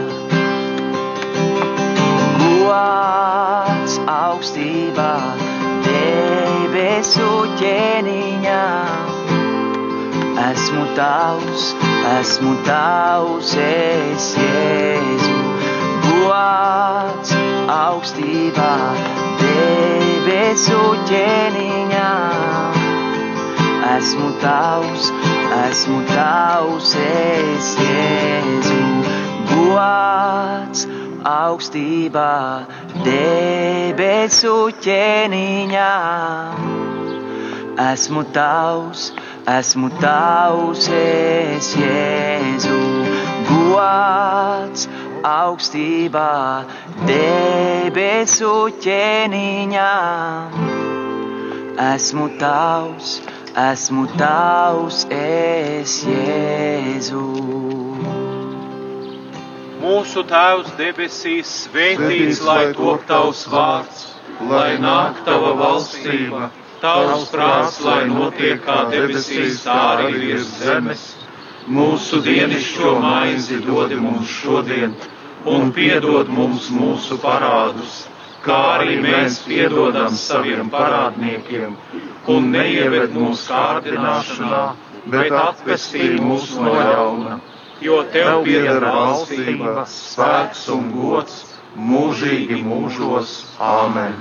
Krustā iztais kungs Jēzu Kristu.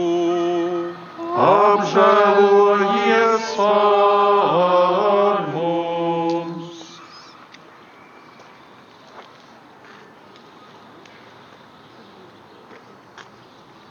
Un tad mēs tās sarunas veiksim. Esmu blakus, esmu blakus. Jā. Mhm, tad saki, kad es varu sākt. Darbie klausītāji, skatītāji, krustaceļš ir noslēdzies, bet, protams, mūsu ceļš uz gaismu nebeidzas, ceļš uz mīlestību nebeidzas, mēs turpināsim. Mēs šeit esam Doma laukumā um, vēlamies padalīties tie, kas esam šeit, ko mums nozīmē lielā piekdiena, ko mums nozīmē tēva mīlestība, kas mums katram ir tēta mīlestība. Un kā tad mēs veidojam savā sirdīs ceļu uz augšām celšanos, ceļu uz lieldienām. Šeit man blakus ir arhibīskaps.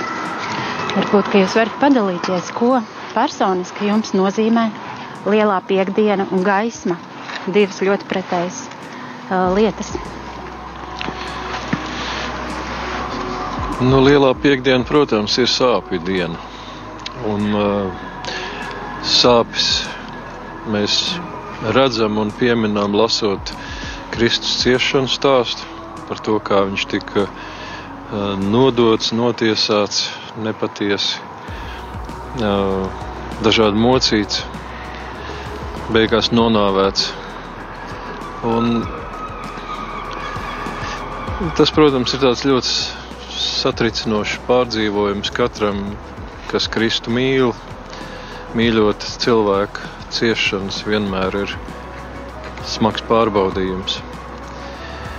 Tās ir uh, lielā piekdiena, ir arī tādā ziņā sāpju diena, kad tā ir diena, kad jāielūkojas sevi. Tā ir tāda sirdsapziņas izmeklēšanas diena, redzot un novērtējot to, kāpēc Kristum tas bija jācieš, jo viņš jau necieta savu grēku dēļ, viņš cieta manu grēku dēļ, viņš nemira savu nāvi, viņš nomira manu nāvi, lai man tā nebūtu jācieš. Un es esmu pilnā mērā vainojams pie tā, kas ar viņu notika.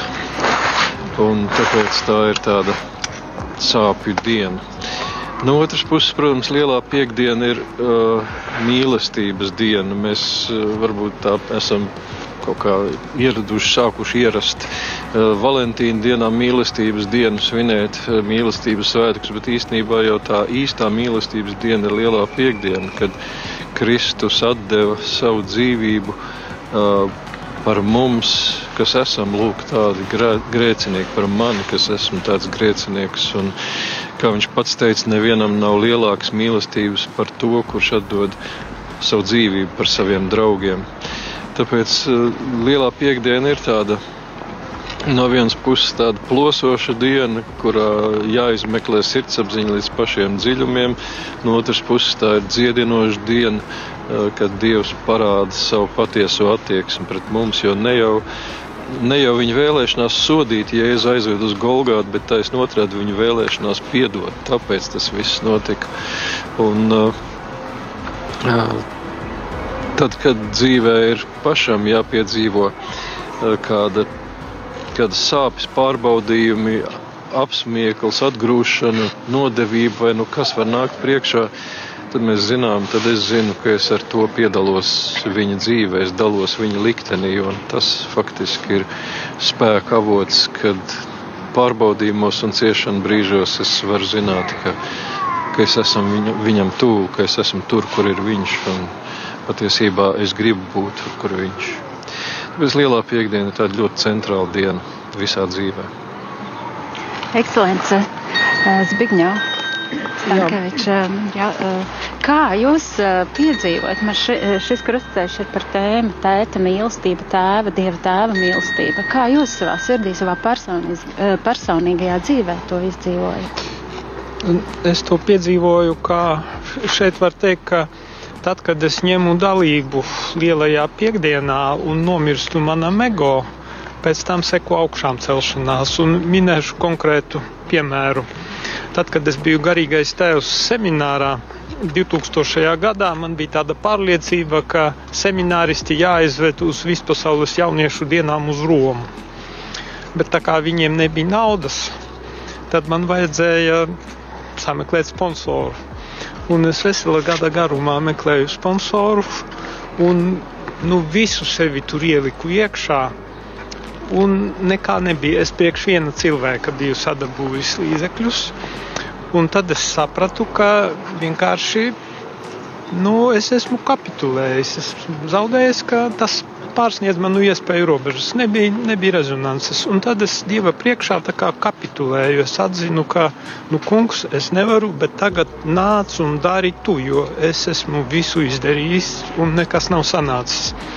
Un tad, kad es kapitulēju burtiski dažu dienu laikā, es atceros, tas bija caur biskupu Andriju. Viņš man vienu kontaktu piespēlēja tā nejauši, un viss notika, un viņi aizbrauca visi, kas gribēja. Bija brīnišķīgi, bija milzīga svētība. Bet tas iet cauri šai nāvei, manam ego, ka es pats gribu. Un šeit man ir paralēle ar masa un merībā, ar to gadījumu, kad mūzum Dievs pateica, kad tauta prasīja ūdeni, saka, mēs mirstam no slāpēm. Dievs viņam teica, runā uz klinti, pasaki klintī un izplūdīs ūdens. Un Mozus ko izdarīja? Viņš tā vietā, lai paklausītu un runātu, viņš divreiz sita ar spieķi. Viņš tomēr gribēja pats kaut ko tur dievam pa priekšu iet. Un tāpēc viņš neiegāja absolūtajā zemē. Un šai ziņā es varu teikt, ka lieldienas tā ir tāda klints, no kuras izplūst šis dzīvais ūdens. Bet tie vārdi, kas tiek prasīti no mums, lai tas ūdens mūs padzirdītu, tā ir mūsu ticība. Ticība tam, ka šis, šīs trīs dienas, šis notikums, ka tās ir raktuves, kurās mēs varam, kā, no kurienes mēs varam pasmelties visu mūsu dvēselē, mūsu garam nepieciešamo. Tas ir avots, no kura izplūst dzīvais ūdens, bet ir vajadzīga kripatiņa ticības.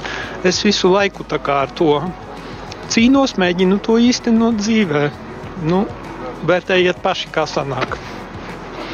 Paldies!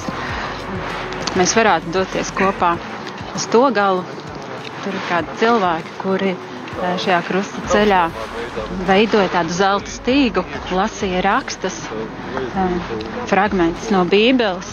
Tāpēc mēs vēlamies uzrunāt Dītu, Rēziju. Varbūt ir arī Ivars.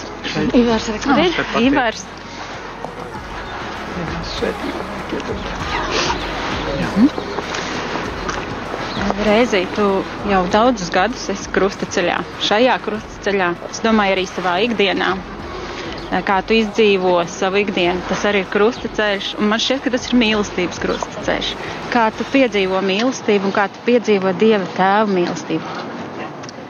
Jā, katru gadu šis krustaceļš un, un tava neatlaidība saistībā ar manas piesaistīšanu Uh, ir uh, arī kaut kādā ziņā, varētu teikt, tāds pārbaudījums, jo ir tik daudz tādas ikdienas lietas un, un, un, un saplānota dzīve. Un, uh, un šis ir tas brīdis, kad viss pārējais tā, kļūst tāds nesvarīgs un viss pārējais kļūst tāds ļoti, ļoti viegls un ļoti, ļoti viegli tāds nometams un atmetams, jo ir šis krusta ceļš krusta gājiens un, un liecība. Man šķiet, priekš manis tā ir tāda vislielākā vajadzība un nepieciešamība liecināt ne tikai par dažādiem žurnāliem vai tuvākiem draugiem vai Facebook draugiem par, par Jēzu un par Dievu un par mīlestību, bet